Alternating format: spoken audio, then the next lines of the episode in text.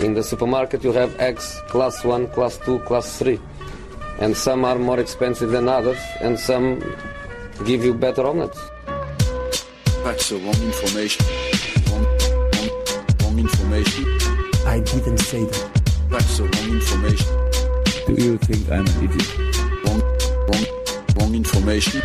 Now look at me when I talk to you. Your job is to tell the truth. That's the wrong information.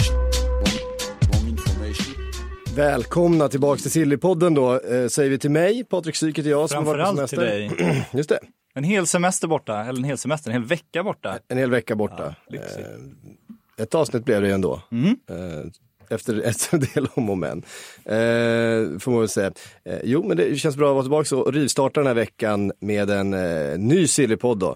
Eh, Makoto och Bränning, ni är här i vanlig ordning. Före vi sätter igång så måste vi såklart prata om den 25 juni, Sillypodden live på Trädgården här i Stockholm. Eh, det är bara att komma dit, det är inget inträde. Eh, det kommer komma upp en Facebook-länk också, kolla på hemsidan, man kan gå dit och bara eh, anmäla sig om man kommer dit. Men det är bara att dyka upp på Trädgården. Vi sätter väl igång eh, ungefär, vi öppnar dörrarna vid 17. Sex, halv sju någon gång så kommer vi sätta igång från scenen. Så man tar sig direkt från jobbet ner till trädgården. Eh, så sitter vi där, gör silly tillsammans.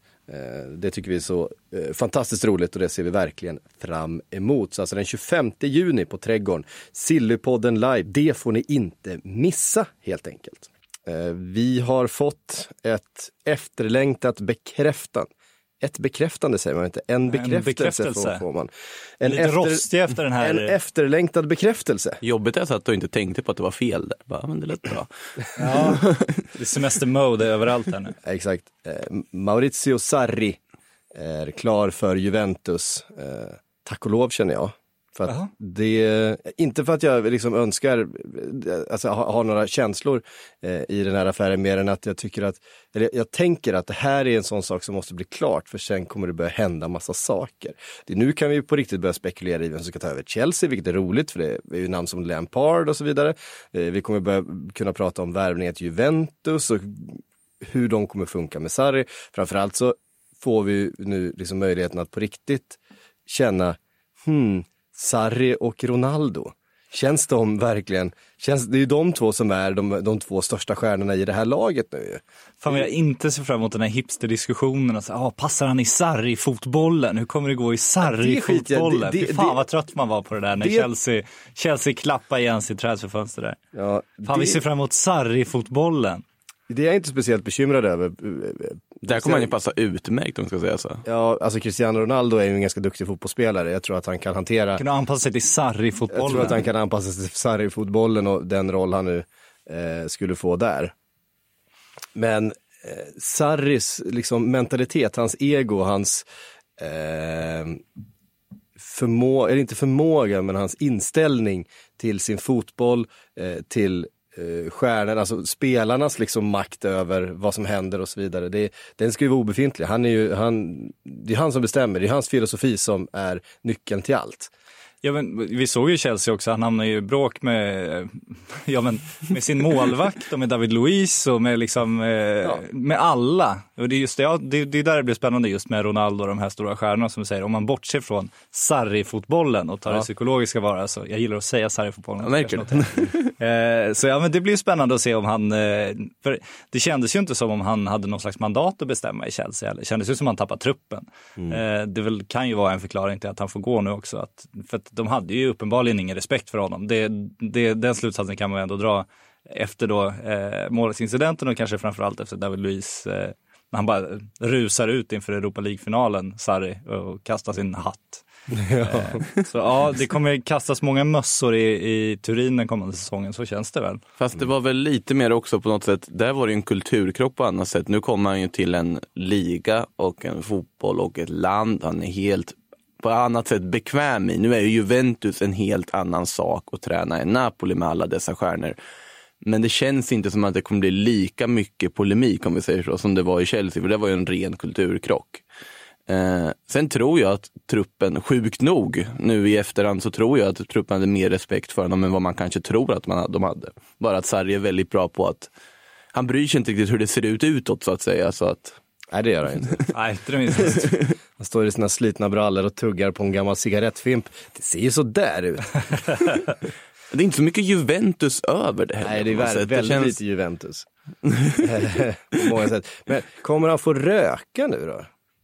Det här, är, det här är ju spännande, det är ju nästan den, den viktigaste frågan. I Sverige hade ju han fått en, en, en, en kris, han ska ju träna en Umeå-klubb egentligen där du inte ens får röka in i stadskärnan längre. Nej. Eh, Det hade ju varit riktigt intressant men Ah, han kommer röka, klart han kommer röka. Mm.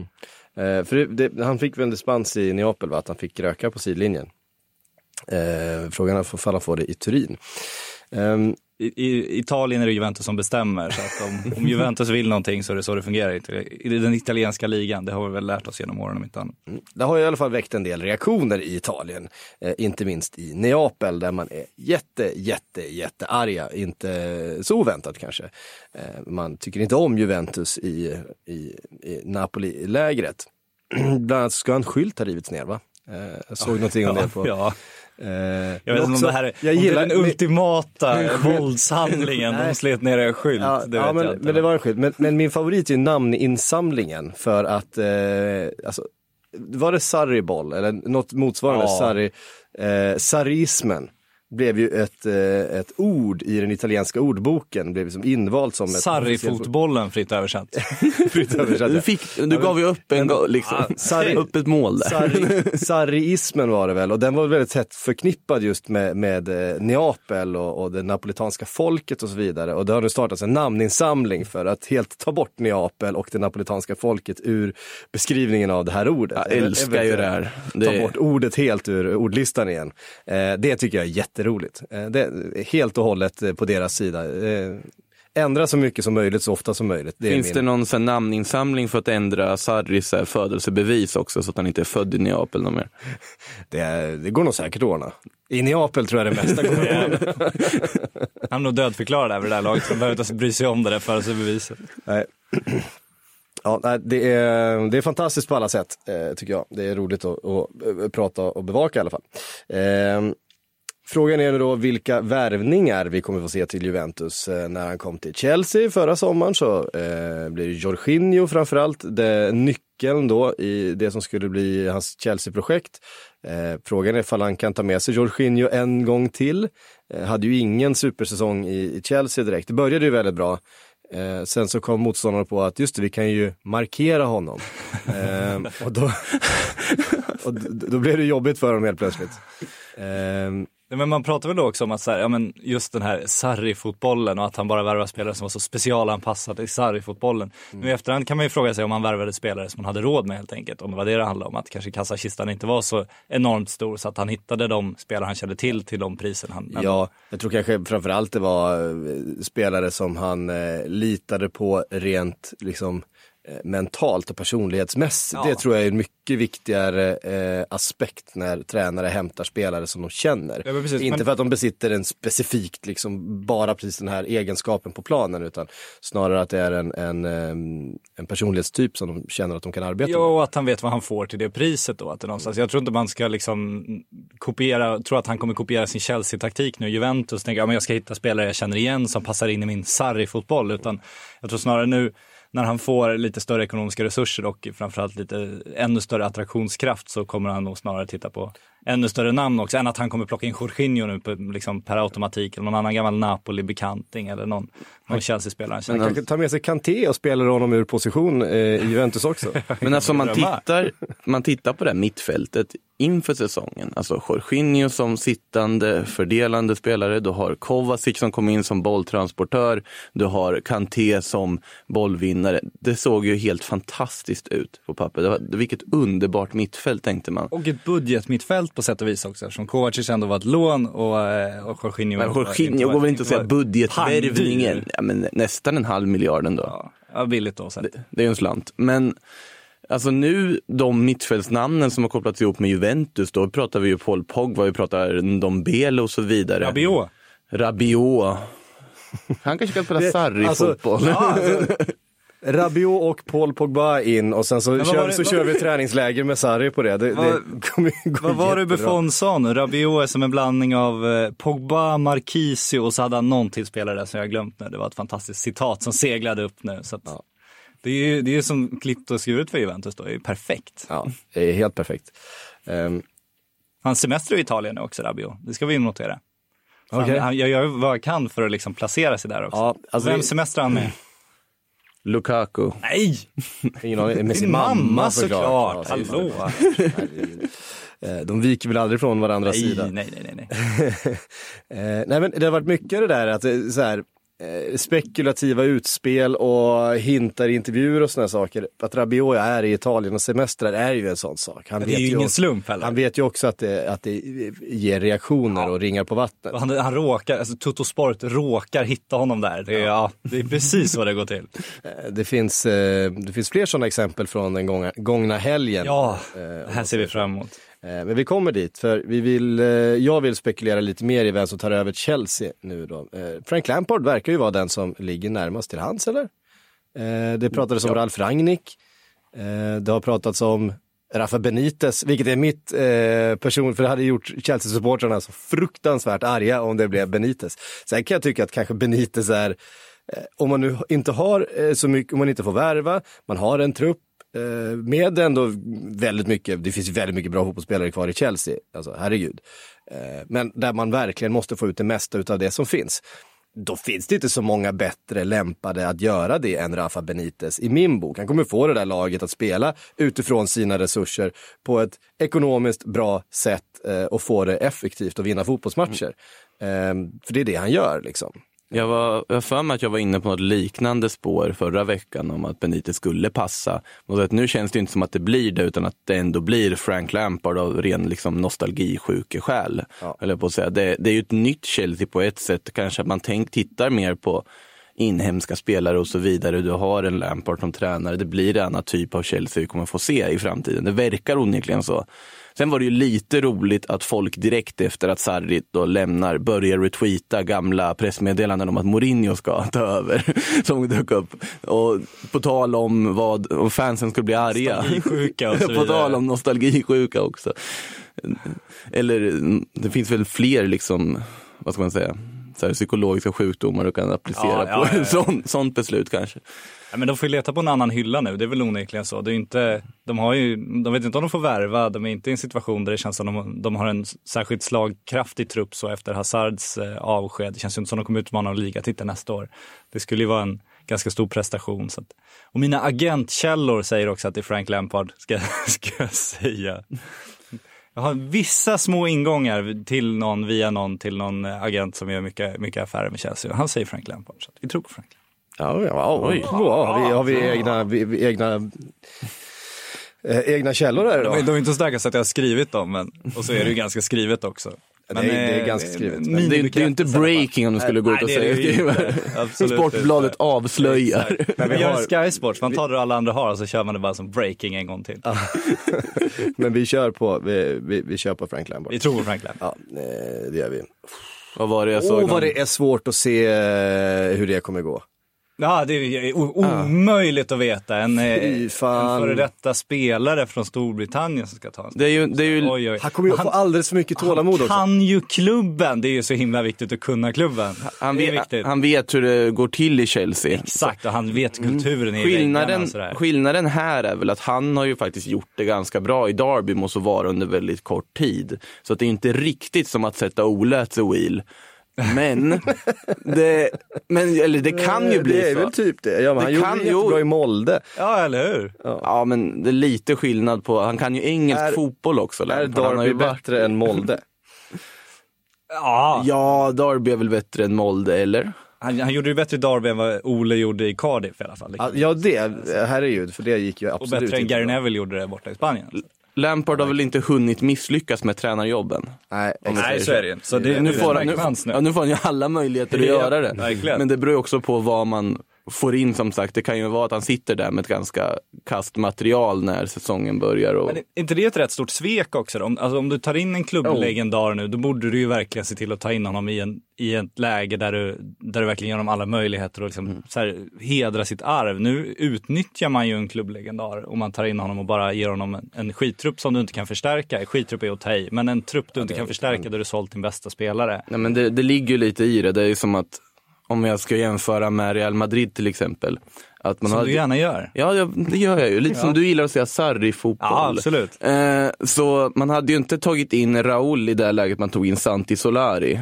Så att det känns som att det varit någon sorts avslutande hån mot hans status att ta in honom i det här läget. Lite så. Och nu tar man in Zidane igen och då gör man en supersatsning. då, att- då finns det plötsligt möjlighet. Exakt. Ja, Stackars Zidane, Solari. det är synd om honom. Zidane har ju å andra sidan eh, en helt okej tränargärning eh, så här långt Ja, så är det ju absolut. Ja, absolut. Nu, nu är det i och för sig upp till bevis på ett sätt. Ja, det kan jag hålla med. På ett annat sätt. Nu ska han ju bygga ett lag. Det har han inte behövt göra förut. Med begränsade resurser.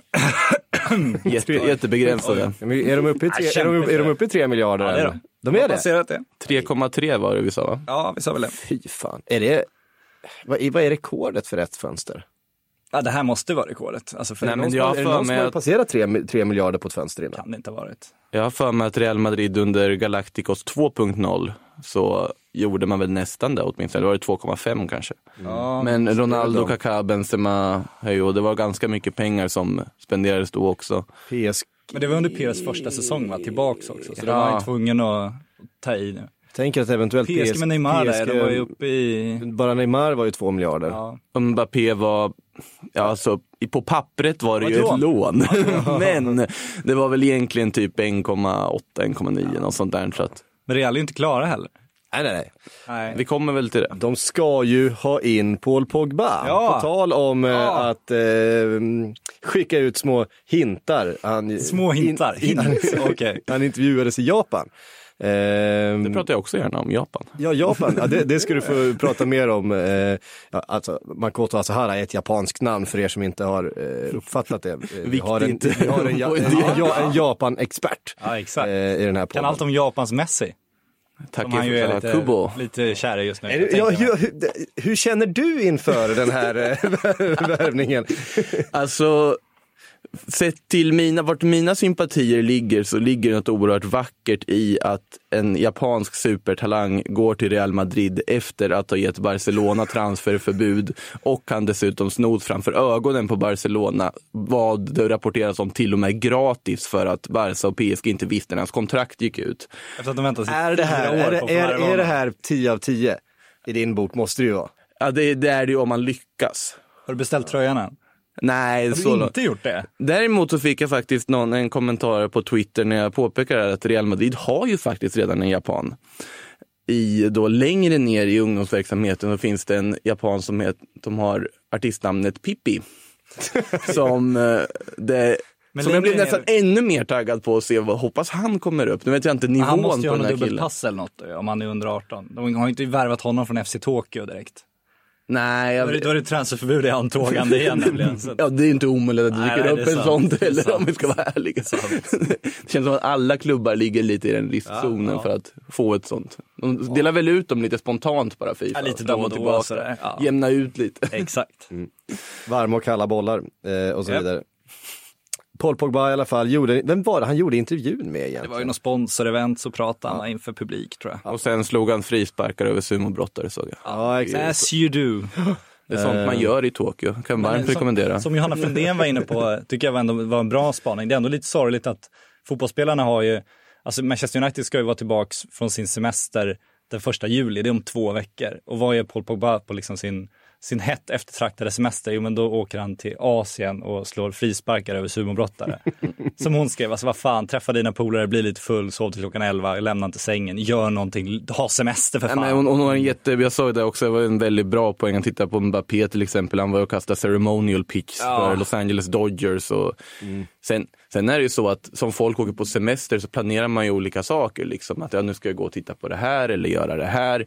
För de här fotbollsspelarna har ju de andra möjligheter. Bara, ah, jag har lust att testa baseball. Så här, ah, vi, går, vi går till Dodgers och liksom. Fast det är mer så här, hej det här är Dodgers, vi har samma sponsor, här, du, får, du får fyra mil- miljoner om du kommer förbi och kastar ett par bollar liksom. Fast Jag tror att det är olika ändå. Jag tror att i vissa fall så så är det spelaren som kan initiera något sånt, men i och med att det är den spelaren så får de chansen. I alla fall när det kommer till att besöka andra klubbar och hålla på med sånt, det tror jag.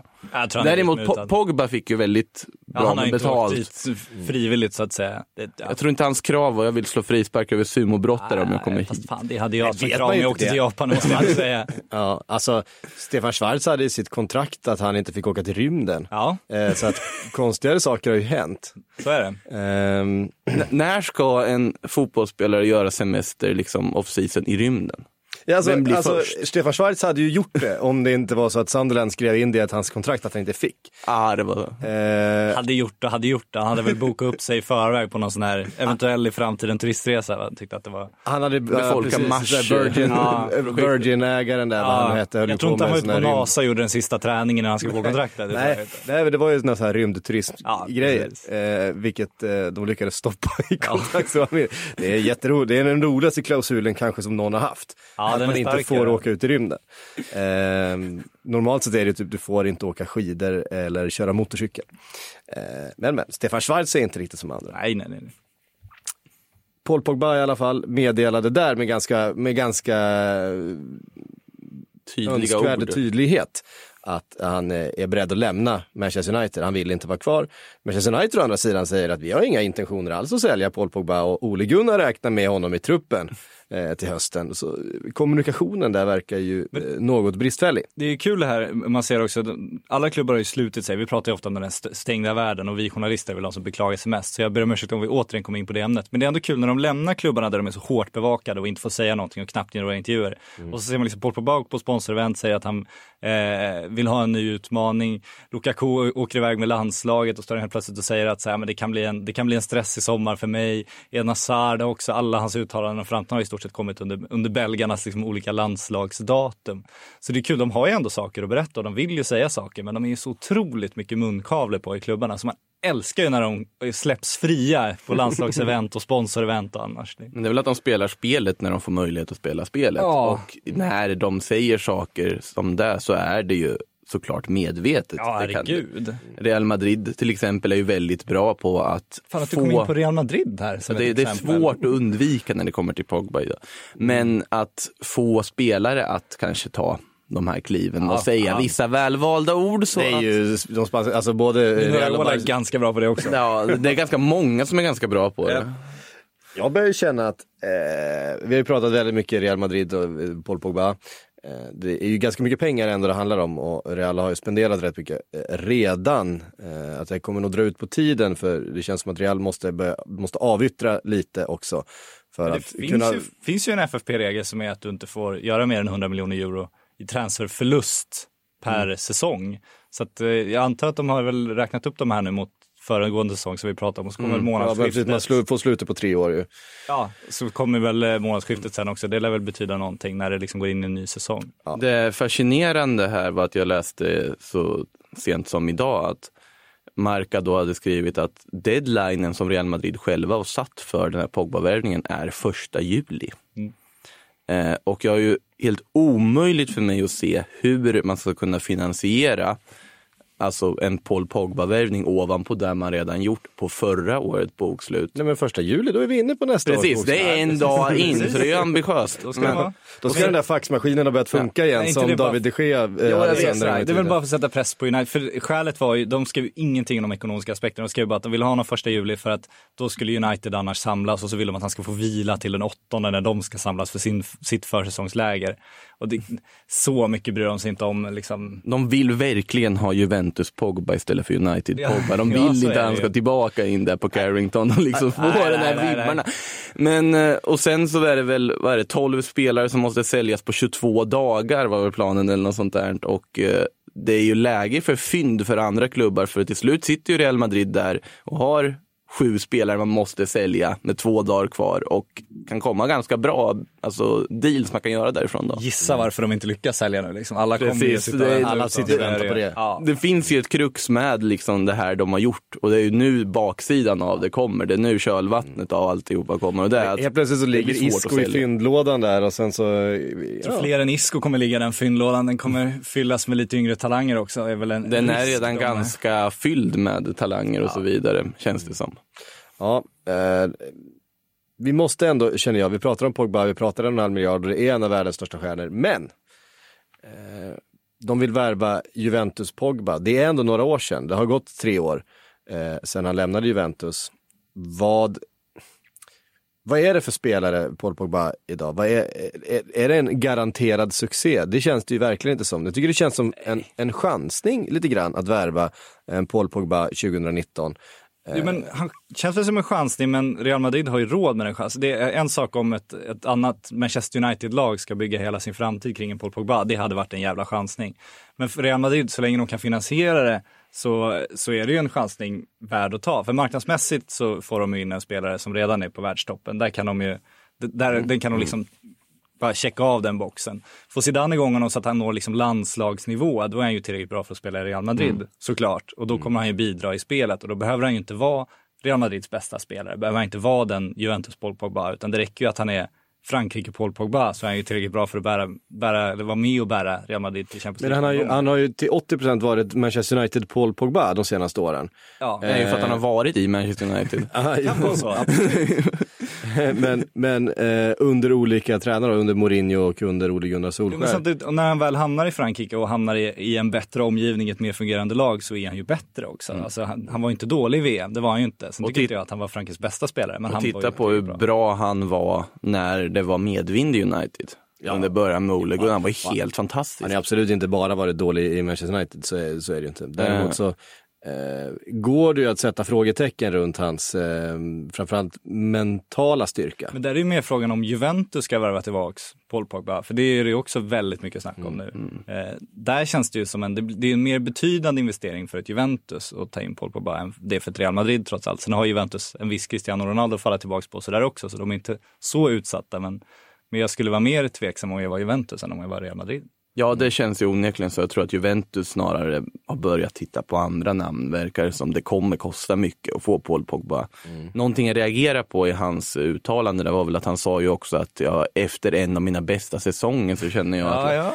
Det, det, det sitter ju inte jättefint att höra om. Liksom, har United- Poängmässigt har han ändå varit okej sett till sina, sina konkurrenter i det egna laget om vi säger så. Då. Det- Bra poängmässig säsong. Han hade en bra period där eh, i eh, Absolut. Ska ju sälja absolut. sig själv också. vårvintern. Ja, att nu, nu har jag klarat den här utmaningen och ska jag till nästa. Du har inte alls klarat den här utmaningen, var många som reagerar på. Eh, och det känns ju som att det är ju en spelare som till stor del verkar spela för sig själv. Och där finns det väl ett problem, för Real Madrid kanske inte är den typen av spelare man riktigt behöver.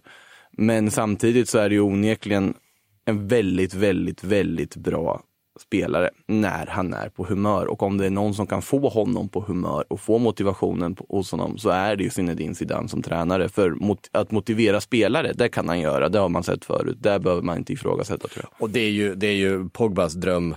Ja, han kanske är en, en jag menar, hans drömklubb är det väl, och så kanske Zidane också är en av de få som är han hans faktiskt drömtränare. lyssnar på. Alltså, Mm. han har ju ändå växt upp med Zinedine Zidane, det är ju så. så att det, är- Det är ju hans väl- stora idol. Eh, helt klart. Jag har en helt annan teori däremot. Eh, när, när det kommer till Paul Pogba. Eh, därför att i, eh, vi går in på nästa då. Det här blir en segway så får vi knyta tillbaka lite grann. Eh, För PSG sägs nu eh, enligt L'Equipe vara beredda att släppa Neymar. Eh, Nasser blev dessutom intervjuad i France Football eh, där han eh, uttalade sig ungefär som att inga divalater ska längre tolereras i klubben. Eh, man ska ha en annan inställning till, eh, till spelarnas beteenden och sådär. Eh, det, han nämner ju inte Neymar där, men alla fattar ju vem, alla vet ju vem primadonnan i, i eh, PSG är. Rabiot ja. Ja, för, förutom Rabiot Ja, så, är det, ja. så är det ju Neymar såklart. Ehm, Fan, det är svårt det där att motivera folk när man liksom inte bara kan ta deras pass och inte, så att de inte får lämna landet. Det är fan kämpigt alltså. de, det, det Hur gör man måste- då, Ja, liksom? det, jag vet faktiskt inte. Nej, nej, det är kämpigt. Det jättekonstigt. Ja. Ehm, ställa krav. Ja, Eh, Men det är L'Equipe som kommer med uppgifterna att eh, PSG eh, ska vara beredda och vi vet också att eh, det finns ett projekt Neymar eh, nere i Spanien. Det finns två projekt Neymar, ett i Barcelona och ett i Real Madrid eh, som är gamla och lever. Eh, det är ju Neymar fortfarande, det är ju fotbollens största reklampelare. Eh, utan tvekan han har, väl, har han sprungit om Ronaldo? Kanske han inte har. Han är näst största. Han är ju större än Messi i, som reklampelare. han är Ja, inte en bättre tror jag att Ronaldo har väl en del saker som Han har ju en del att Det har väl i och jobba för sig. Neymar också. Ja just för nu tiden. är det så. Än så länge är han inte rik- lika djupt begraven men Så de har absolut. inte kommit Jävla lika långt mörkt, i den. jävla mörkt det är att det är så här, vi sitter och pratar om de två största reklampelarna i fotbollen och båda två har liksom våldtäktsanklager hängande över sig. Ja. Och då, då, med Det är den, den, den viktiga skillnaden att Neymar samarbetar med polisen och Cristiano Ronaldo inte har gjort det fram tills nu eventuellt. Absolut. Då. Det, Eh, där ska ja, man men han vara tydlig. Vi kanske ska säga det att eh, det kom väl uppgifter här om att han nu faktiskt har blivit served. Ja. Att de har lyckats nå fram till honom på ett eller annat sätt. Ronaldo alltså. Ronaldo ja, man, man vill ju veta hur det gick till. ja, det vill man verkligen göra. Ah, shit, tänk om det hade funnits en, en, en kamera med där. För de måste ju liksom ha lurat på honom på något sätt. De, det, är ju- Brev på posten. Ja, att, det, Men det räcker tydligen inte, det ska vara personligen där. Ja, det är måste så. vara, det, det de måste vara personlig del, delgivning. Måste de hitta honom till att börja med? Ja, och han stängde in sig där i sin, sitt bostadsområde och, och Turinpolisen vägrade väl ge honom dem hans adress och så vidare. Det var, det Ja. knepigt det där. Ja, och advokater har tagit alla första kontakter med liksom eh, nya människor in i, i kretsen och sådär, så det har inte varit möjligt. Men på något sätt har de lyckats ta sig igenom. Eh, det finns skickliga eh, advokater eh, på andra ställen också. Så Men att, eh, Ja. Men Neymar var det vi skulle till. Men är inte det här bara liksom, för det känns, det, det är ju väldigt fin timing på just den här intervjun och just det här beskedet. Eh, är det inte bara ett sätt för PSG att visa för spelarna och truppen att vi menar allvar liksom, ingen går säker, nu, nu liksom, nu ska vi höja nivån här. För vem ska köpa Neymar nu? Alltså Real Madrid just nu Barcelona. känns det som, ja Barcelona eventuellt, men gör de det? En sk- skadedrabbad Neymar nu också. Alltså med den här ledningen som Barcelona har så är allt möjligt. Ja. Det, vad som helst kan hända. Och de ska vi svara Real också kanske? Ja, Klassiskt. det är ju de- väldigt viktigt. Ja. För hittills så har ju det de har svarat med under fönstret, förutom Frenk de Jong då, som var klar sedan tidigare, så har ju de svarat med när, när liksom Hazard och Jovic och så vidare presenterade så hade Barcelona på sin social, sociala medier typ, vad ligger i den här mystery boxen som Sergio Roberto sätter handen i, typ så. eh, jag tror det var en drake. har jag för var ingen mig. Neymar i alla fall. Men nej, det var det inte. Men jag tror att man vill ju också göra sig av med Coutinho. Det är ju ganska uppenbart. Coutinho verkar ju också kanske tänka på att flytta. Paris hade varit en vettigt alternativ. Osman Dembélé finns det frågetecken kring också. Man har inte lyckats med de här anfallsvärvningarna och såklart att de vill ha tillbaka Neymar i det här läget. Sen huruvida det hade varit bra för Barcelona eller inte, det ska låtas vara osagt. Men jag tror att vi kommer ju få ha mycket Neymar till Barcelona-surr som kommer den här sommaren. Det kan man, vi får nog infinna oss i det. Det är då, jag, det, det är då man börjar liksom, eh, cyniken rullar igång här va. Vi vet ju vem som är tillbaka till PSG eh, i Leonardo. Leonardo, ja. Eh, vi vet ju vems, eh, hans bästa kompis är. Eh, Mino Raiola. Ja.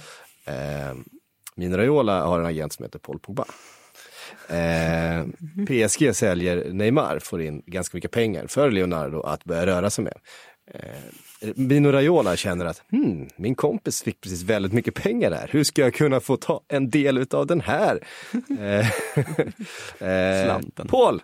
Ja, ja okej, okej, om, om någon ska ersätta Adrian Rabiot då är det ju Paul Pogba, så är det ju, det håller jag ju med om. Men eh, dels har han ju redan tagit en del av den där slanten när han tar sin kompis Mattis de Ligt till Paris nu också. Så att han är ju redan inne och nafsar på de pengarna. Men vi säger så. vet ju att han inte brukar nöja sig Nej, där. det gör han ju inte. Och PSG kommer ju definitivt komma med i någon slags Paul Pogba förhandlingstaktik, så är det ju. När kommer första Lukaku till, eh, till PSG-ryktet då? Ja, det ser vi också fram emot. Men, men Paul Pogba till PSG vill man ju, det hade varit kul, så är det ju, just för att det är en fransman och sådär. Det hade ju varit roligt att se, absolut.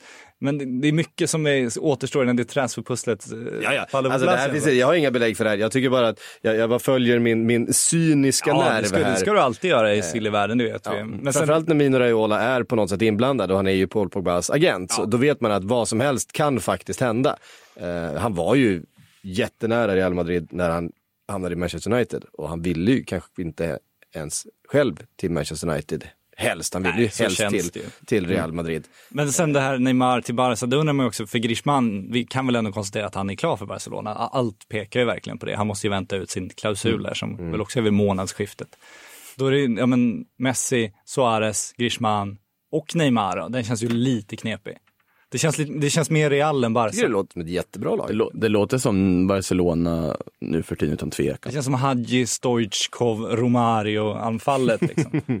Fast Det var ju jävligt fint å andra Ja, det var det. Det höll en säsong också, gjorde det. Sen var det, sen var det slut med det. Tror fanns, fanns lite egon där du. Ja, kan man säga. Men man ska nog inte jämföra ett så pass välfungerande Barcelona med det här Barcelona med tanke på, alltså med Bartomeu vid rodret. Det, Nej, det, det kan vad som helst kan som sagt hända och det är verkligen och då Valverde som tränare på det här också. Det är det som är det mest fascinerande med allt. Han blir ju kvar nu liksom. Han blir ju Trots kvar och Gick okej i ligan. ja, ja, absolut, men samtidigt då ska du ha in Frenkie de Jong på ett Valverde mittfält.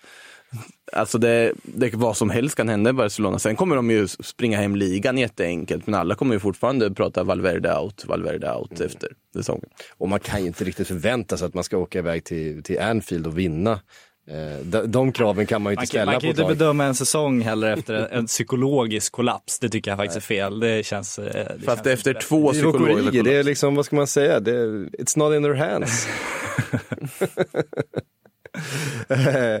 Eh, Men ehm, mm, mm, PSG, Neymar, eh, det är ändå väldigt intressanta uttalanden som görs. Ja, det är det ju hur. Neymar själv förhåller sig till eh, uttalanden från Nasser. Ja, och hur, hur PSG-projektet ska bygga vidare. De har ju pumpat in alla pengar de kan, köpt alla stjärnor de kunnat och det räcker inte i Champions League. Och nu ska han uppenbarligen piska igång dem då, eh, från presidenthåll till och med. Det räcker inte att man trä, tar tag i det där. Så jag tycker hela, det, det känns som PSG-projektet håller på att falla lite med att deras president har blivit lite maktgalen. Han kanske varit det hela tiden. För det känns fortfarande som om Nasser är den som bestämmer och det känns som, även om Leonardo kommer in, det gick ju väldigt bra förra gången, men det känns som han det kän, påstås ju att alla beslut tas via Nasser, alla spelare, alla spelares kontakter via honom. Det är han som är liksom den, det, det har inte funnits någon sportchef. Nu kommer in en sportchef, jag tror inte Nasser kommer släppa taget för det och jag tror inte han är kompetent nog att bygga en fotbollsklubb. Så att, Nej. så mycket pengar han har. Men är inte också de här väldigt alltså, passande då ryktena om att Neymar ska släppas,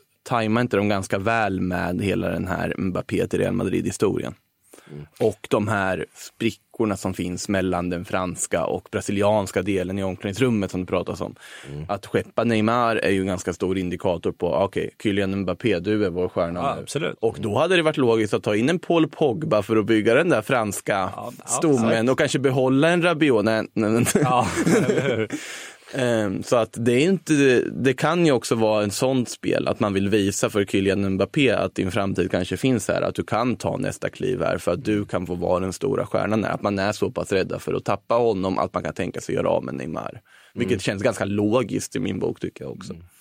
Eh, på tal om semester och på tal om utspel, det absolut mest långsökta var ju Mbappé som var hälsade på LeBron James. Eh, fick, fick vissa Liverpool-supportrar att gå i, gå i taket eftersom LeBron, LeBron James då äger 2 utav, utav klubben genom något investmentbolag. Men ni har ju vunnit Champions League, ni behöver inte leta efter de här halmstråna något mer. Sluta! Ja, Han har också då börjat följa eh, Mohamed Salah på Instagram. Ja, herregud. Då tycker, jag var, då tycker jag var mer intressant att jag såg på Instagram att Mohamed Salah, vet ni vem man firar sin födelsedag med? Nej? Michel Salgado. Jaha. Salgado la upp någon bild bara, ja, grattis Mo Salah, liksom en tårta tillsammans med Salah, de stod där. Det var högst underligt. Jag vet inte om de har något projekt tillsammans på något sätt för Salgado väl... Alltså man vet, alltså fotbollsspelare kan dyka upp i varandra sammanhang jävligt oväntat ibland och det, det har ju med sponsorer och sånt där att göra. Man gillar hela den här säsongen. Manchester United tog bilder med liksom Game of Thrones-stjärnorna någon gång i veckan. Liksom. De bara Mm. flög in en och en sådär. Liksom. Det var också så här, vad fan, vad är det här? Mm. Liksom. Men de är ju Sevilla-fans allihop. De var ju på någon match där, ett tidigt stadie i alla fall. Ja, det är klart de är. Men sen vart den här serien mer kommersiell med tiden och så vart det United istället. Det är som en sån här pojkdrömmen för fotbollsspelare med Sevilla, det är lite äkta liksom. Och sen så, oj fan det fanns mer pengar där borta ja. Så kryper man dit sen. Så hovar man ut en in, mindre genomtänkt säsong 8, men en annan sak. Ja. Det är lite United kanske. Det blev bråttom. Och Salgado är fin, det måste jag också bara tillägga. Men man saknar ändå honom. Ja.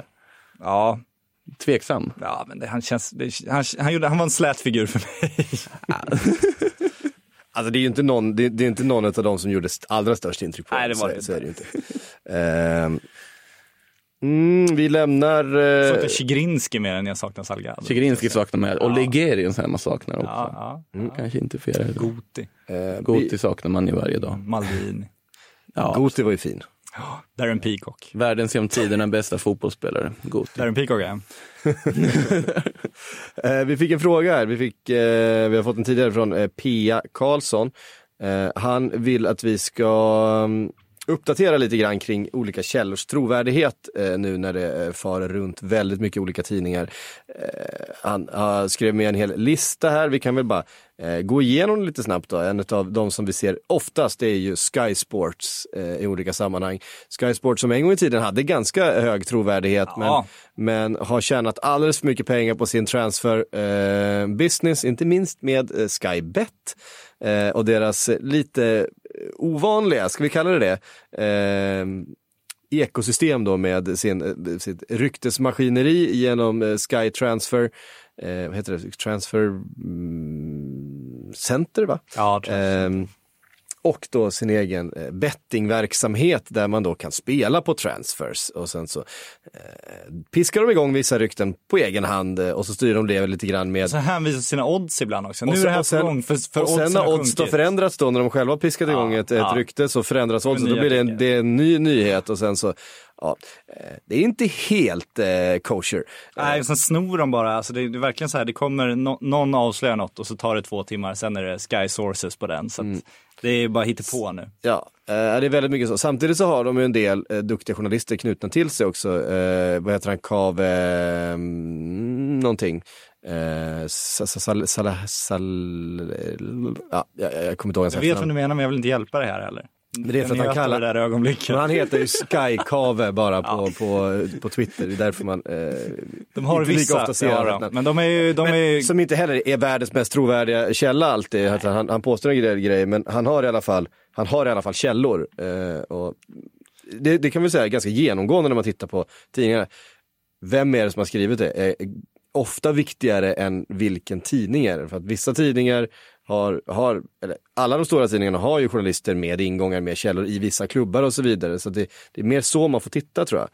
Ehm, The Guardian är ju en tidning som inte ofta drar på ehm, de har ju också en blogg, precis som vi har, där det mesta får plats. Liksom. Eh, och bloggen ska man ju verkligen bara ta för vad den är. Det är ju bara en det är samling. andras uppgifter de åker Men när de ju själva samling kommer med något så uppgifter. känns det ändå, det finns, de hittar inte på saker Nej, om nej säger så. det gör de inte. Eh, och har de egna, egna källor så uppger de det och då, då brukar det vara ganska mycket på fötterna på The Guardian. Ja. Eh, Telegraph eh, blandar ju och ger lite grann. De har också ett par eh, duktiga journalister som är knutna till vissa klubbar och har mycket. Men de är, de är ju ändå lite, alltså om vi sätter The Sun och eh, Mirror, Daily Mail längst ner. Mail, mail är, är svårt för de har också några journalister Ja, några, som är, som men de är ändå, de- är de hamnar där ändå där nere. Ja, där nere. Så är Mm. det ett steg upp på Telegrafen sen och sen ytterligare ett steg upp på, eh, på The Guardian. Och så ytterligare ett steg upp på BB BBC. Det låter väl som en vettig uppdelning tycker jag. Eh, BBC är ju de, de, de rapporterar ju stort sett bara eh, färdiga transfers. Ehm, Ja, de är ju också, ja, jo mer eller mindre så. Men de, de har ju alltid något, de hittar inte på. De lever ju också på statliga pengar så att de behöver ju inte hitta på. Ja. Ehm, Daily Mirror är ju en, en stor tidning som eh, producerar oerhört mycket nyheter. Eh, de går inte att lita på, eh, kan vi bara säga. Eh, I Spanien så har du AS till exempel och Marca och Sport. Ganska intressant den vad heter det, mediebilden i Spanien faktiskt, sett till de här tv-programmen och så vidare som har dykt upp. Jag tänker på El Chiringuito till exempel, som kändes ett tag som att de har nått för de har uppenbarliga kopplingar och liksom ingångar i klubben. Men nu har man snarare sett när den här Real Madrid transfer spreen har kommit att det är väldigt mycket konstiga uppgifter som kommer från väldigt mycket konstiga håll. Man slåss om att ligga först med allting. Det ska bara ut och du kastar rykten och man går på och så vidare. Så att det är väldigt svårt att avgöra trovärdigheten. Marca AS, de har ju också sina ingångar. Det är precis som i England. och Du får Absolut. titta på vilka det är som skriver om det. Cadena Cop, alltså radiostationen, känns ändå som att de brukar väldigt ofta vara relativt rätt ute. Skulle är väl min spontana känsla, men det där går också lite i perioder på något sätt. För till exempel Zidane-värvningen minns jag när El Chiringuito var ju först med den. Pang, att Zidane ska till Real Madrid. Det var ju ingen som hade liksom på den och det var ju en ren ingång. Så han Pedrerol som sitter med programmet har ju ingångar men sen skämde han väl nästan ut sig i Hazard situationen han skulle skita i och dyka upp på programmet dagen efter om inte Hazard blir klar idag. och han blev inte klar den dagen. Eh, De måste säga något i sändningen varje dag. Det är kämpigt Mm. att fylla programmet. jag älskar ju hur de presenterar sina nyheter med så dramatisk musik och han står där och bara nu liksom så händer det här. Alltså det Man ser hur hans ego växer i direktsändning. Ja, fan, fantastisk liksom, det, dramaturgi på det hela. Otroligt underhållande.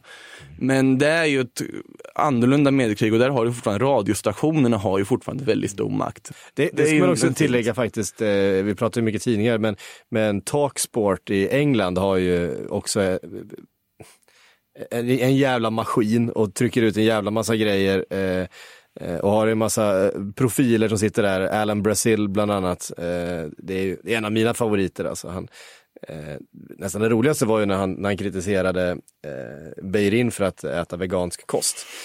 Att det, det, det blir man ju inte frisk av. Jävligt Go- brittiskt. Googla en bild på Alan Brazil och se ifall det, ifall det är själva bilden utav friskhet som ni ser där. Eh, han har däremot käkat rätt mycket Apropå kött. trovärdighet och så vidare. Apropå trovärdighet och så vidare. Det, ehm, eh, Talksport ska faktiskt inte underskattas eh, bland de eh, största skidspridarna i, eh, i eh, Storbritannien. Nej. Eh, de spanska tidningarna var vi inne på, där de är så speciella eftersom de är så starkt kopplade till vissa Precis, klubbar. det är alltså, så. de, är, de är ju nästan, nästan eh, marknadsorgan för klubbarna eh, och skriver det klubbarna vill och liksom blir brickor i, i hela spelet. Eh, på ett mycket mer sätt än vad eh, de brittiska tidningarna är till exempel, eller de tyska eller de franska för den delen. Eh, brittisk lokalpress är ju också såklart väldigt beroende utav klubbarnas goda vilja och sådär, så de skriver ju det klubbarna vill. De blir inte på samma sätt en del i att sprida halvsanningar Propaganda, och propaganda på det sättet. Däremot så eh, sitter de ju ofta på information utan att skriva den och sådär. De väntar, de, de har mycket embargon och de har väldigt mycket sådär nära samarbete med klubbarna. Men trovärdighetsdyket Manchester Evening News gjort alltså. Herregud. Jag minns hur varmt du satt och pratade om Manchester Evening News här i Ja, men jag gör det ibland. När det, är rätt, när det är rätt typ av artikel så gillar jag dem, men fan vad de eh, går De har ner ju sig slagit också. fast att Paul Pogba inte ska någonstans till exempel. Ja, och det är väl garanterat så Manchester United säger just nu. Det ligger väl också i Manchester Uniteds intresse att det ska låta så Ja. just nu. Mm. Så att det, men där kan man ju då hänröra det till, ja, men då förstår man ju hur, det, hur den informationen har nått dem och varför de skriver det och det kan mycket väl stämma, för det är väl Uniteds inställning trots allt. Ja. Sen kan ju det förändras och det, det, det betyder ju inte att artikeln inte stämde om Paul Pogba säljs om, om en månad, utan saker händer ju. Någonting man kan lägga till på i Spanien för de som inte liksom följer dem är väl ganska enkla. Att Marca AS är Madrid, Sport, Mundo Deportivo är Barcelona. Och att om Sport skriver om Real Madrid eller Marca skriver om Barcelona ska man ta det med en hel liksom, saltgruva. Men annars så, de går ju lite, ibland går de klubbarnas ärenden, ganska ofta går de klubbarnas ärenden. Ibland kan de starta vissa kampanjer för att få vissa saker hit och dit. De är ju uppenbart supportrar, journalisterna som jobbar där. Alltså, ja, alltså, om ni har sett Thomas Ronsero, AS-krönikören, eh, på någon gång så vet ni precis vad Psyk menar här med att supporta ett lag fast du är en, då, vad heter det, oberoende inom citationstecken journalist. Han är väldigt oberoende igen.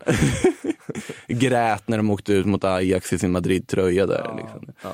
Kul Eh, att Psyk sitter och skrattar åt det här med sin Liverpool-tröja med Gerard på ryggen som han har på sig just nu och sina det, matchande är det inte. Origi det står där Ja, på Ja, ryggen? Origi kanske. Full kit wanker, eller vad heter Psyk?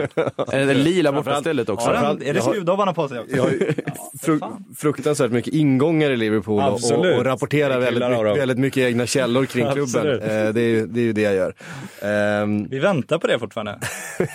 vi får väl se. Eh, det var Det ju är ju lite, smörat i ett årtionde, det får ändå inga öppningar. Tyskland och Frankrike Eh, är ju annars eh, ganska duktiga, eh, eller ganska flitiga källor till fotbollsrykten såklart med alla sina kontakter och stora klubbar. Bildt eh, har väldigt mycket fotbollsrykten i sina sidor. Eh, handlar om, Manch- eller om, om Bayern München eh, så stämmer det ganska ofta. Eh, handlar det om andra klubbar så stämmer det ibland. Ja, men ändå, ändå hög trovärdighet skulle jag säga. Ja, och sen så har du ju då eh, Sportbild också. De har ju, sin, de har ju den här eh, associerade tidningen som inte är Bild som är, eh, den heter, vad heter den? Bild, Sportbild va? den heter Sportbild, ja. Eh, som är en helt egen re- redaktion. Eh, för att Bild har en sportredaktion. Och sen Sportbild är en annan redaktion. Som är som en bilaga till tidningen. Alltså det är lite märkligt. De är inte samma redaktion, de är inte samma tidning. Fast de sitter ihop. Eh, vilket är lite konstigt. Och Sportbild svingar lite vildare än vad Stora Bild gör. Så kan man säga. Så. Eh, och så finns Kicker också i Tyskland som eh, brukar ha ganska bra på fötterna. Ready to pop the question? The jewelers at BlueNile.com have got sparkle down to a science with beautiful lab grown diamonds worthy of your most brilliant moments. Their lab grown diamonds are independently graded and guaranteed identical to natural diamonds, and they're ready to ship to your door. Go to BlueNile.com and use promo code LISTEN to get $50 off your purchase of $500 or more. That's code LISTEN at BlueNile.com for $50 off. BlueNile.com code LISTEN. Der Spiegel såklart, men de skriver inte så mycket transferrykten. Nej, nej, nej. Eh, Tills ekonomin blir inblandad, då jäklar. Eller det Ja. läcker dokument. ja, då är de igång. precis. Men eh, om Der Spiegel skriver så eh, Ja, då jäklar. då, då, då har de rätt mycket på fötterna. Ja. Eh, Det är en, eh, en fin publikation på många sätt. Eh, I Frankrike då, L'Equipe är ju de stora där. Eh, brukar inte heller skriva, svinga allt för vilt om de inte har på fötterna. Däremot så brukar de vara rätt så duktiga på att faktiskt dra fram uppgifter och, eh, och hitta grejer. Och de är har ju väldigt stark ställning i Frankrike. Så att de är ju, en- de är ju en, makt, en maktfaktor i fransk fotboll. Finns ju en anledning att och snackar Neymar här, om vi säger så. Ja, exakt. Eh, ja, det var ju där uppgifterna kommer från att PSG eh, eh, ska kunna vara, tänka sig att släppa Neymar och då får vi väl ändå tro på det. Ja. Eh, eh, eh, jag har en, en tidning? Aftonbladet. Ja, ah. Får se vem som har skrivit det. Nej, Nej men det man, kan säga, man kan väl säga det om svensk press generellt. Tidigare så har svensk press sitter inte på, så enkelt är det. Det finns ingen som hittar på saker. Utan det, det är någon som har sagt det till, till journalister om det kommer ett transferrykte i svensk press. Och tidigare så har man kunnat vara ganska säker på att det är något som är på gång då. För att då har det varit klubbarna som har sagt det här till journalisten eller eh, spelarna eller spelares familjer eller spelares vänner, alltså nära kontakter. Men sen eh, agenternas intåg så har ju marknaden förändrats om man säger så. Det ser väldigt annorlunda ut i Sverige. Och nu skrivs det saker som agenter har intresse av att det ska komma ut. Det behöver inte betyda att det är osant, men man kan se inför en, en kontraktskrivning av en stor allsvensk profil så kunde man se att det, det spreds ju gott om rykten om att han var hett eftertraktad och eh, intresse där och intresse där och intresse där. Och det kan kanske vara sant, men tre dagar senare skrev han på det där kontraktet. Och det är inte svårt att förstå att det var en agent som berättade om det där intresset då för, av liksom hela det skälet att han ville sätta press på klubben och, och höja den här lönen eller få, få fram det här kontraktet. Då. Sådana saker förekommer ju. Vi såg eh, också en, en av allsvenskans största försäljningar så kom det också uppgifter ganska nära in på eh, om att det var andra klubbar som var intresserade eh, och att det var väldigt hett och att det, det stod och vägde åt vilket håll. Samtidigt som vi då just då visste att det gjorde det inte alls. Alltså det, det var på ett sätt det skulle bli. Eh, men det kom ändå fram sådana uppgifter på annat håll. Eh, där vi också fick erbjudandet om att skriva de uppgifterna. Vi fick så här ser det ut. Fick vi från en källa och då visste vi att nej, så ser det inte alls ut, utan det ser ut så här. Så vi kommer inte skriva det. Och sen så kommer samma uppgifter upp någon annanstans och då förstår man att den källan har gått vidare dit. Och den källan hade ett väldigt stort intresse av att de skulle spridas. Ska vi ta historien om eh, Alexis Sanchez och... Eh, Nej, det kan vi inte göra tror jag. vi kan inte göra det? Nej, jag tror inte vi kan bränna vår källa där än.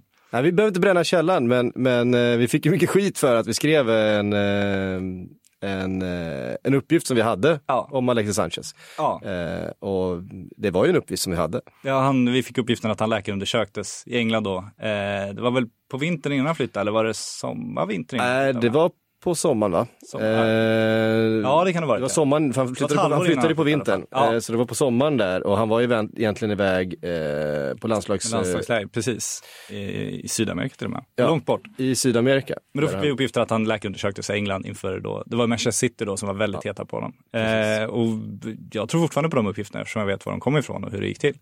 Ja. Eh, så Ja, jag jag är helt övertygad om att det var så, så det låg till. Sen blev det inte så och så har vi fått höra i efterhand att Manchester City drog sig ur en affär där ganska sent eftersom de tyckte att lönekravet skulle destabilisera lönestrukturen i klubben. Och då klev United fram.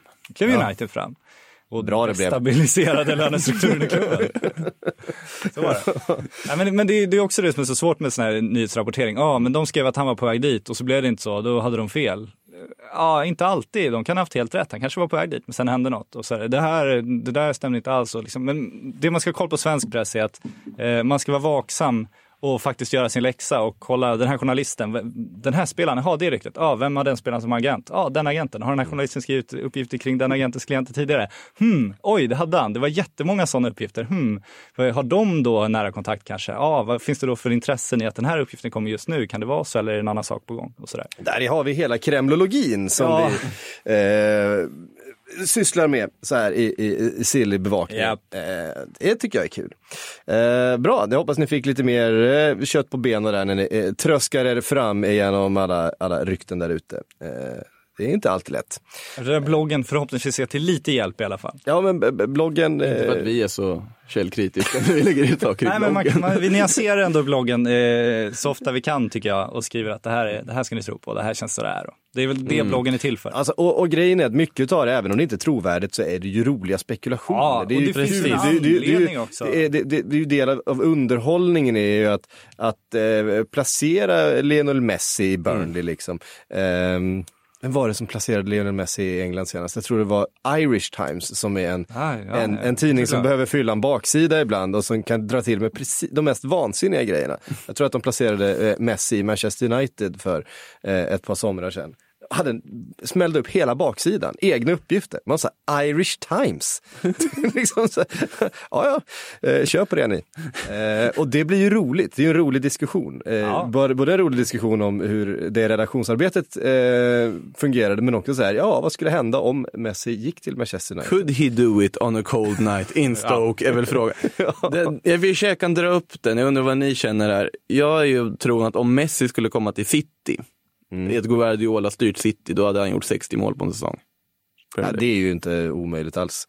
Ehm, Alltså det målrekord i Premier League hade bara, det, det hade bara flugit iväg. Om, om Messi hade kommit in i, på en säsong. ehm, mål, alltså målrekordet är väl, eh, vad, Salah var uppe där förra, det är 30... 60 hade ju slagit i alla fall. Vad sa du? 60 hade ju slagit det. Ja, 60 hade slagit det. Hade han nått 60? ja, ja, det hade det gjort. Ja, ja, absolut. Nej, det, är, ju- det är ju ingen som har varit över 40. Nej. Eh, jag tror inte det är någon som har varit över 35 Nej. heller. Var inte Ronaldo uppe på 41 eller något sånt? Ja, men det är ligamål och Ja, just sen, det, är eh, med annat också. Ja. Ja, Salah gjorde väl eh, 50 mål totalt tror jag, alla turneringar förra säsongen. Eh, men eh, 33 i ligan, minns inte riktigt. Det är ju den där fina också som kom i veckan om du räknar ihop. Manchester Uniteds nummer sju. Hur många, sen Cristiano Ron- Ronaldo lämnade så har fem spelare haft nummer sju de senaste tio åren. Mm. Gjort 15 ligamål ihop. Under samma period har Ronaldo gjort 332 ligamål. Ja, ja det säger, det talar, det talar Om ändå någonting säger det, eh, om någonting. ganska mycket. Eh, Är det, är det Alexis som sitter på sjuan nu? Vi har Alexis som sitter på sjuan. Visst, eh, klart han gör. Eh, Jean-Michel Seri, före vi går vidare med lite fler frågor, så vill vi vill bara kasta upp Seri här som eh, det var länge sedan. Enligt, eh, ja, ja, man gillar ju Seri ändå. Man blev lite glad nu när du sa det. Man eh, blir glad. även- Så googlar man lite snabbt, vad fan är det nu på gång? Eh, han det- till, tillhör ju Fulham och nu verkar det som att eh, Milano-klubbarna är det Mm. som slåss om hans eh, signatur. Eh, Spelaren som ju var på väg till alla möjliga storklubbar här för ett par somrar sedan, eh, ville då inte till England eh, med tanke på att han har den här, den här köldallergin eh, som gör att han får klåda om det blir under en viss eh, temperatur. Hamnade till slut i Fulham i alla fall när Fulham skulle eh, storsatsa. Det var ju en superkupp förra sommaren att de lyckades få Seri som ju ryktats till Barcelona och allt möjligt eh, i hyfsad närtid. Blev Alltså vi får ändå kalla det för en flopp. De åkte ju ur Fu- Fulham eh, och Seri var ju en av spelarna som skulle garantera att de inte gjorde det. Eh, sen så tycker jag att Seri faktiskt i vissa matcher var väldigt, väldigt bra. Eh, och i andra matcher helt bedrövlig och eh, fullständigt osynlig. Så att en flopp får vi verkligen säga att det är. Ehm, men det finns ju fortfarande fotbollsspelare där. Ja, alltså Borde ju kunna gå för en hyfsad peng nu när Fulham faktiskt åkt ur. Finns säkert en, en eh, relegation clause i kontraktet. det känns väl som en ganska klok, eh, klok vad heter det, investering både för Milan och Inter sett till det här läget de är i kanske. I det här läget båda behöver få in någon form av centralfältare. Och eh, snabbt går jag ju då över till, vi glömde ju prata om Italien när det kommer till alltså Ja, eh, ja, för fan, jag, hade, jag läste inte ens färdigt min list- lista här. Corriere dello Sport eh, och eh, Gazettan. Eh, Fan, hade folk är med trötta på också. vårt mediasnack nu, men Ja. vi måste ju riva av i Ja, vi taget. får ju riva av Det ett tag. känns som att det är någonting som kommer reageras på Ja. annars. Ja, Gazzetta dello Sport. ehm, det beror också lite på vem det är som skriver, vilken del av tidningen, vilken klubb det gäller. Eh, de, kan, de kan höfta, de kan springa klubbars ärenden. och, och allt det där egentligen vi har sagt om, om andra tidningar, lite så här Ja, men de har hopbakat betydligt mer stolthet än de här riktiga. eh, Ja, verkligen. Ja, men Gazzetto eh, dello Sport har ju, har ju ändå liksom en trovärdighet att, att, eh, Ja. att förlora. Eh, vilket alla tidningar inte har. Eh, Corriere dello Sport, eh, väldigt liknande egentligen. Sen har de eh, mycket bloggare, de har ju liksom Demartio som kör någon slags eget race. Eh, Tancredi, hur går det för Tancredi? Vet, han har ju fortfarande blockat mig på Twitter så jag vet inte. Jag har ingen, men det känns som han har tappat lite i anseende. Han är, gör färre och färre gig nu känns det som. Han, li- han ligger inte superhögt i kurs. Det är inga som går igång på hans transfer news Ah, upcoming herregud. in uh, på det- sättet något mer. Men det känns väl som att i Italien, nu är det en ganska spontan tanke jag har fått från att liksom titta i den djungeln, att eh, det är ganska mycket så här supportersidor på ett annat sätt. Som liksom också kan ha en agenda och går ut och så vidare på kanske ett annat sätt än vad man ser i andra länder. Många så här fansidor som har liksom på något sätt egna ingångar eller egna rykten på gång. Förstärker den här hipsterstämpeln lite på italiensk fotboll. Att det, är- det är ganska, just, just så här, många engagerade supportrar som brinner utav bara satan. Så att de har de där ingångarna. Ja, Mm. Eh, har ju också, ja, men som sagt, Demartio kör ju sitt eget race. ja. Eh, och har ju ingångar hos en del, hos en del håll. Han har ju producerar inte... också of, ofantligt mycket material och har ganska många underarbetare nu också. Så att, eh, han har ju blivit en egen blivit mediekanal. Stor, stor redaktion. Ja, men det har ju spets ut lite. Den där Det, det går bra när man har blivit en egen mediekanal. ändå. Exakt, så är det.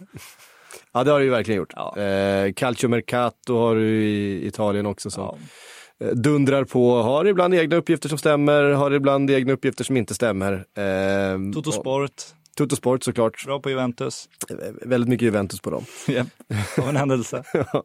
eh, och sådär. Nej, men så att, men de har ju på, på det sättet tycker jag att Juventus. italiensk media kanske är den mest eh, intressanta att följa på det sättet. För att den, ehm, det, precis som i alla fall så är det, handlar det mycket om vem som har skrivit kanske mer än eh, var tidningen är. Men de, de, De hittar inte bara på, det är ju Nej. känslan man har. Det är ju inte den här det, brittiska... finns ganska, det finns ganska mycket, mycket eh, kopplingar in i klubbarna känns det som i Italien. De, det det känns finns, som kopplingarna spelar spel, eller kopplingarna, klubbarna spelar spelet ganska eh, Mm. intensivt också i Italien. Det känns som i England sitter de bara där på sina stora gigantiska jävla finansiella projekt och eh, ja. Ja, där finns ju absolut inga fanbloggar med insyn i, i, i, i eh, vad sportcheferna sysslar Nej, med. nej, herregud. Det är ju extremt eh, långt däremellan, medan det faktiskt Italien gör det. Eh, och det känns som att det finns också en supporterkultur som följer med in i styrelserummet i Italien mer än vad det gör i, i, i andra länder. Sen är det också, nu, nu kommer en riktigt udda liknelse här, men om man ska jämföra liksom Premier League och Serie A silly season och liksom hur man agerar, så är det som att jämföra lite amerikansk och japansk baseball. Det, den här Nu liknelsen förstår kommer- alla. ja, det kommer flyga med. Förenklar det här. om, om, man ska förklara snabbt, i USA det gäller att liksom slå så hårt som möjligt, slå homeruns, kasta så hårt som möjligt. Väldigt basic nu. I Japan så är det snarare mer taktiskt spel, du liksom försöker flytta löpare och så vidare i baseball om man ska förklara det enkelt. Och i England så är det ju, du pungar ut massa pengar för en spelare och värvar honom och så vidare. I Italien så har de här bytesdealarna och liksom så här lån och eh, så här halvägande och allt, allt vad det heter. Är, det är fascinerande, mycket roligare för det kan så många olika sätt en spelare kan byta klubb på. Känner du att du hade kunnat förklara det här utan att dra in japanska? Ja, jag vill- jag vill- jag ville dra det in kändes som en omväg. Jag uppskattar omvägen, men det kändes som en omväg. Det var en liten omväg. Ja, Men det- man vill alltid ta en Jag omväg. uppskattar, jag uppskattar den väldigt mycket. baseball. Jag uppskattar den väldigt Makoto mycket. har ju också liksom en viss ersättning från den japanska ambassaden för att ta in deras, deras nation så mycket som möjligt i svenska medier. Det ska vi vara, vara transparenta med också. Gå på fina eh, middagar hos ambassadören och sådär. Det hade inte varit dumt. Jag brukar faktiskt gå till, utan att namedroppa det, eh, sushi-stället här i stan som ambassadören har rekommenderat. Du ser, du ser. Jag är inte helt. Älskar den japanska ambassadören eh, överlag. Ja, ja, herregud, absolut. Han, är, han verkar vara, han är nog antagligen den trevligaste människan. Du har koll på. Japans ambassadör? Ja, men han har ju gått ut på Ja, ja. Twitter nu. Ja, jag kan, om jag ska rekommendera ett enda Twitterkonto så är det, eh, vad heter det, Japan i Sverige? Heter Ja, det? något sånt där då. Eh, den japanska ambassadören här, eh, han, är, han är fantastisk. Och det är inte Makoto som spökskriver där? Det är inte Makoto Nej, som nej, Nej, spökskriver. nej, nej. Eh, ja, jätteroligt. Ja. Så Jävlar vad det oerhört trevlig på Makotos konto nu liksom. Det bara ringer till. Han har swish, den bara ligger och vibrerar här nu. Nej men alla de här fördomarna man har om japaner, är att, man, att, att det är väldigt, här, väldigt, väldigt artigt och trevligt. Nej, men det, det, det, artigt, artigt städade, trevliga, eh, respektfulla liksom. Allt det där har han eh, liksom i överflöd, den japanska ambassadören. Och man blir väldigt glad över att följa honom på Twitter, för att det är inte alltid så det är på Twitter. Nej, nej, Det är inte alltid superrespektfullt och, eh, och så hövligt. En skön liksom, brytpunkt mot all cynism som eh, präglar liksom, Fler japaner till Twitter, är det där vi... fler japaner i allmänhet. Ja, Finns det inte typ 150 miljoner? Ja, för befolkningsmängden sjunker ju. Det, det behövs ju alltså bokstavligt talat fler japaner. Ja, okay. Sen på vilket sätt, om det är japaner som föds eller japaner som flyttar in och blir japaner, det är en annan japaner, sak. japaner, börjar börjar japaner. Nu är vi off Du topic får, va? du får, nu är vi off topic, du får börja jobba. Man kan ju värva in japaner så är vi tillbaka som topic här. Eh, ja, frågor Ja. Eh, tar vi därifrån. Tobias Pettersson skriver, vem ska Liverpool köpa in som ers- ersättare om Milan värvar Dejan Lovren? Eh, ja, vi har inte varit inne på, eh, men, men Milan ryktas alltså eh, vara intresserad av Dejan Lovren. Det känns inte helt osannolikt, det är ändå en, eh, en duktig mittback som inte får så mycket En speltid. gammal fotbollsspelare. Eh, Som inte får så mycket cred för att vara en duktig mittback eller? nej, Som man kanske borde få igen. Ja, verkligen. Alltså, Faktiskt. Han, han, eh, han, han har ofta fått väldigt mycket skit, men han spelade ändå en VM-final och en Champions League-final förra året. Eh, Med att vara startspelare i stort sett hela tiden. Så så dålig kan han ju inte vara. Liksom. Eh, Det, det går ju nästan inte. Eh, Sen att han själv gick ut och sa att han förmodligen är en av världens bästa mittbackar. Eller han är en av, han slog fast att han är en av världens bästa mittbackar. Det, det tyckte jag höjde honom lite grann. Han spelar spelet. Han spelar Ja. spelet. Eh, jag vet inte, jag tror att eh, Liverpool kommer eh, värva en mittback. Jag tror inte att det kommer bli någon stor stjärna. Det kommer inte bli något... tysk, eller vad tror vi? Nej, jag tror att det kommer bli en, eh, ja, en, en, en ung, lovande, eh, rätt, Tysk. rätt okänd, eventuellt Tysk. eventuellt tysk.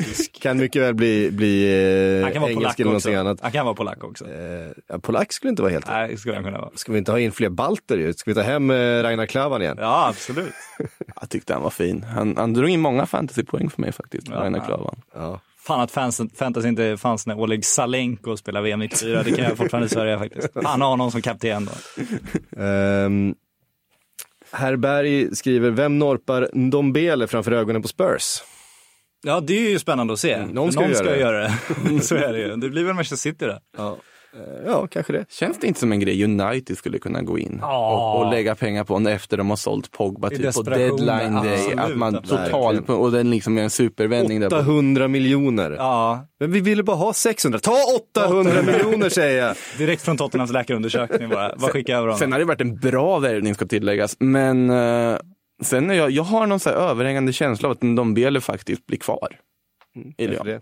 Efter, vi, vi, det är bara en så här Det är magkänsla. Aulas som ska godkänna Ja, skiten. är Det är för mycket snack om för många lag. Fast hade inte Olas bara sagt så här nej från början om man inte ville sälja honom alls? På tal om eh, United då, vi tar en fråga från eh, Jonathan. Han undrar, kommer United komma före Wolves och Everton nästa säsong? Ja, det kommer de. Ole Ja, Sluta nu. Alltså de, om, ja det kommer de göra. I så fall är det kanske ett intressant West Ham som skulle kunna peta sig in i topp 6. Men jag tror att, Alltså så, må- så många gånger som man sagt att nu ser West Ham spännande ut. ja men någon, någon gång ska det ju vara dags. Någon gång ska det vara dags. Och nu bygger man en spansk och fin stomme här. Helt, helt Men-. Alltså United kommer inte låta det sjunka till den nivån att man inte kommer topp 6. Men vore det inte bra att sälja Pogba nu då för dem? Alltså, eh, apropå nystart liksom. Jo, Jo. Iväg med Pogba, få in massa, massa miljarder. både Iväg i med Pogba, iväg med löner. Martial, iväg med Alexis. Och Ja, lägger det kommer de allt inte bli av med. Nej, exakt, det är lätt att säga iväg med Alexis, men Pogba blir de i alla fall av med och får in en hel del pengar och öppnar löneutrymme och sådär. Då har de ju möjlighet att faktiskt, de, då borde Mm. de ju fan Sen är det svårt, om de då ska ta Jadon Sancho, då får de ju betala Pogba, alla Pogba har pengar till Dortmund. Så att, Varför hade man gjort det bytet? Pogba mot Sancho, rakt, rak swap. Idag. För United i det här läget, det är inte helt osannolikt att man ändå skulle göra en sån swap. nej, det hade man nog kunnat göra. Det hade jag nog gärna Mm. gjort. Om jag, framförallt om jag får lite pengar emellan också. då hade jag nog kunnat tänka mig att göra det. Ja, men det känns som det finns en, det fanns ett värde i att värva Paul Pogba som en symbol och det finns fan ett värde i att sälja Paul Pogba som en symbol Mm. också. Ja. Ehm. Eh, Mattias Ljung undrar, vad, vad kommer det sig att eh, fönstret startat så slött i England? Ligan med störst resurser har hittills varit pa- oväntat passiv. endast några av bottenklubbarna plus Chamez till United. Ehm, så- James var lite fel där men Ja, Ja, James. James. ja, Ja, det var ju lite... ja, det är måndag morgon alltså. David James. Eh, Lyckades ju för övrigt lura massa madridistas med den rubriken man satte, man skrev där i Silly-bloggen att James klar för United. Ja. Eller så var det bara, och va, har vi sålt han? Swanseas Jam. eh, Swanseas James. Moses James ja. Daniel James. Ja. Ehm, Spanska influenser i United, det var bra. exakt. Fan, det är svårt att podda måndag morgon. Ja. Eh, svårt att hitta van den här vä- tiden. värde och kvalitet utanför landet, eller Brexit. Alltså, det handlar väl helt enkelt om att, att ehm, det, de två med, eh, alltså två av de stora klubbarna har inget direkt behov av att eh, värva så mycket, kommer inte värva så mycket i City och Liverpool. Eh, så då tar du behov, bort Jag vill en hel skicka del. in brasklappen där, behov. Det känns som många har gjort det misstaget när de vunnit Champions League eller varit i Champions League-final och sådär. Det, det, det tog ett tag innan någon försvarar Champions League och sådär. Mm. Kan man säga. Och det känns som många har varit rätt, ja men fan nu har vi ett jävla kanonlag här och så har man inte förbättrat och så blir laget ett år äldre och eh, inte riktigt lika sugna och sen står man där. Så att, Vill du få in mig på Real Madrid-spåret igen? nej det vill jag inte. Jag, vi, kan, vi kan styra, De, de styra tog ju, iväg tre, de tog ju tre raka, Exakt, tre raka Champions inte. League utan att egentligen värva speciellt mycket under Men de inte åren. en fjärde raka. Nej, och helt plötsligt står de en fjärde trupp som känns väldigt i behov av förstärkningar. Så att jag skulle definitivt säga att både Liverpool och Manchester City har behov av att förstärka för att de måste fortsätta förbättra sig, annars kommer, kommer någon annan klättra förbi dem. Så att, eh, det vill jag bara säga. Sen eh, verkar de inte vara jättesugna på att göra det, men det är en annan sak. Men vad heter Kalle var väl inne på det förra veckan också, pratade väl om just det här att de har ju, man bidar sin tid lite, tittar på vad som finns, du behöver inte stressa på så sätt. Sen så ligger ju Premier Leagues deadline tidigare än de andra klubbarna också, det ska man ha i åtanke och eh, när man trodde att klubbar skulle vara mycket mer alltså smarta i sin värvningstaktik förra säsongen så att vi ändå där på deadline och många hade inte lyckats med någonting och vi kommer sitta där på deadline igen och många lag sitter där med fem luckor i truppen och måste fylla sista timmen. Men det, det är ju långt kvar. Vi har ju börjat tidigt här i och med att det finns andra lag som har börjat väldigt tidigt så känns det ju som att engelska klubbarna inte har gjort det men samtidigt vi har inte kommit långt in i juni än. Fönstret har väl knappt öppnat än egentligen. Nej precis så. United, vi United kanske måste reda ut Pogba-situationen innan de... Ja, eh, vi har inte fått den där acceleratorn heller. Vi, sa, vi var också inne på det förra veckan, vi ska inte upprepa allt vi sa, men just att Real har ju värvat från klubbar som inte riktigt sätter igång maskineriet. Liksom. Man väntar ju på att Pogba ska säljas och att eh, Manchester United behöver ta in Coutinho eller Ivan Rakitic eh, som det påstås idag för att ersätta honom och sen så rullar vi igång liksom. Det är ju där man... United måste göra sig av med grejer också för att kunna sätta igång på ett annat sätt. De försöker, de försöker ställa ut den här reabacken jättelångt nu med Alexis Sanchez i och det... Men fan vad reabackar det finns överallt. Ja, så är det. Det tycker vi om. Ja, det tycker vi om. Ja, absolut. Eh, Jesper Haglöf undrar, tror ni Ryan Fraser får ett större kontrakt efter 7 plus 14 förra säsongen? Vart tar han vägen i sådana fall? Eh, jag tror absolut att den möjligheten finns, men där pratar vi kanske strax utanför eh, som topp 6. Men gjorde inte Bournemouth ganska klart att de inte har lust att sälja honom? Nej, jag tror inte heller de vill sälja honom, men det är klart att skulle Till och med- ett, ja. ett Everton eller ett eh, Wolves eh, eller något sånt där komma med ett Spännande West Ham. Arsenal har det väl det pratats om där ganska mycket. Det har pratats om Arsenal, jag tror inte att det kommer bli Arsenal. Eh, Nej, men Eh, helt enkelt, alltså hade det varit en annan tränare eh, än Unai Emery kanske, hade det varit Där är det en klubb brittisk som behöver tränare. förstärka. Där är det en klubb som behöver förstärka, men har de pengar? Nej, det verkar ju inte riktigt så. De verkar ju kanske rycka i saint Etienne försvararen där, Saliba nu. Det är Ja, just det. mycket, mycket, mycket Arsenal skriver kring honom. Ja, alltså jag har dålig koll på Saliba ska sägas. Men, ja, men, men 18 bast spelar, spelar väl 16 ligamatcher den här säsongen, tror jag att jag läste mig till. de Eh, behöver någonting annat än en 18-åringar alltså. jo, men de franska försvararna vet du, de gillar man när de flyttar när de är unga. Eh, hur gammal var Koscielny när han kom? Han var inte så ung i alla fall. Varann alltså, till Varann tio tänkte jag blir kanske vad man ska jämföra med snarare än Koscielny. Ja, men jag tänker alltså i Arsenal. ah, okej. Ja, Eftersom, han var ju mer än 18 i alla fall. ja, det var han ju absolut. Happ, happ, happ, happ, happ, happ, happ. Ehm, eh, John Fogde Diaz, Johan Fogde Diaz eh, får avrunda. Vi vill höra, vill höra mer om de portugisiska ryktena om Fernandes och eh, Joao Felix. Eh, kanske även Diaz. Eh, alltså, Joao Felix eh, har vi pratat om tidigare, där, där kommer det ju hända någonting. Det, det är så många Det intressanta där är att Atletico känns som, om man ska utgå från liksom den allmänna ryktessvängen, ska vara närmast där. Och det känns ju oerhört icke-Atletico och ganska, alltså mot deras policy att gå in med en miljard för Joao Felix, vilket han nog nästan skulle kosta. Plus att klubben ju vill att han ska lånas tillbaks till eh, Det får de ju inte igenom för en... Det kommer finnas en Jorge Mendes där i mitten som syr ihop det där. Det är så Atletico gör, det är så eh, portugisiska klubbarna gör. Så att han ska nog se till att Atletico betalar en lagom stor summa. Och Bruno Fernandes kanske är samma sak då. Men, och där har det också pratats om att Atletico ska ha inlett den här budgivningen på den här sporting mittfältaren då. Eh, som själv dock i någon radiokanal gick ut och sa att alltså, jag kan tänka mig stanna och så vidare, men såklart att vissa anbud kan man inte tacka nej till och att han drömmer om England. Och om man då kombinerar detta med Daily Mail, ursäkta, men, det, men deras då påstådda uppgifter om att det enda som är kvar i racet av typ alla de här engelska klubbarna som vill ha honom är Manchester United. och man, man får pussla lite här och eh, Den här, är det är copy-paste från alla andra Nej, artiklar? Nej, men det, det är rätt. Pusslet ska läggas. Absolut. Ja, Bruno Fernandes till Manchester United det känns ju som en, som en vettig affär för Ja. United i sådana fall. Det tycker jag. Jaha, Kommer inte. Premier League sen också bara hugga, just när Real Madrid och Barcelona har ställt ut sina reabackar sen, då jävlar kommer det ju bli, kommer det hända grejer tror jag. Ja, och det ser vi fram emot. Ska Serie A-klubbarna hugga några offensiva Real-talanger också kanske? Mm. Det kommer nog ske. Napoli känns det som att de kommer plocka lite från Reals bänk. Där är ju, ska ju James vara väldigt nära. Ja. Och det hade ju varit väldigt intressant. Såklart en lånedeal då naturligtvis. eh, till att börja med. Där det, då, blir de, all- ni blir aldrig av med honom. Nej, nej, nej. Alltså, ja, men, och sen ska det finnas en utköpsklausul då. Och det fanns det ju i Bayern München-dealen också som då, eller Bayern München och James valde att inte Mm. eh, då, eh, vad, vad ska man säga, aktivera. Han var bra i början där, ska man inte glömma. absolut inte dålig i Bayern. Eh, och Napoli tror jag absolut skulle tjäna på att få in en James Rodriguez, för det är en typ av spelare man inte riktigt har. Eh, sen har det pratats om Ceballos till Napoli också och där, nu är Ceballos inne igen eftersom att det är U21-EM så går ju alla igång på plötsligt Japp. ser hans storhet återigen.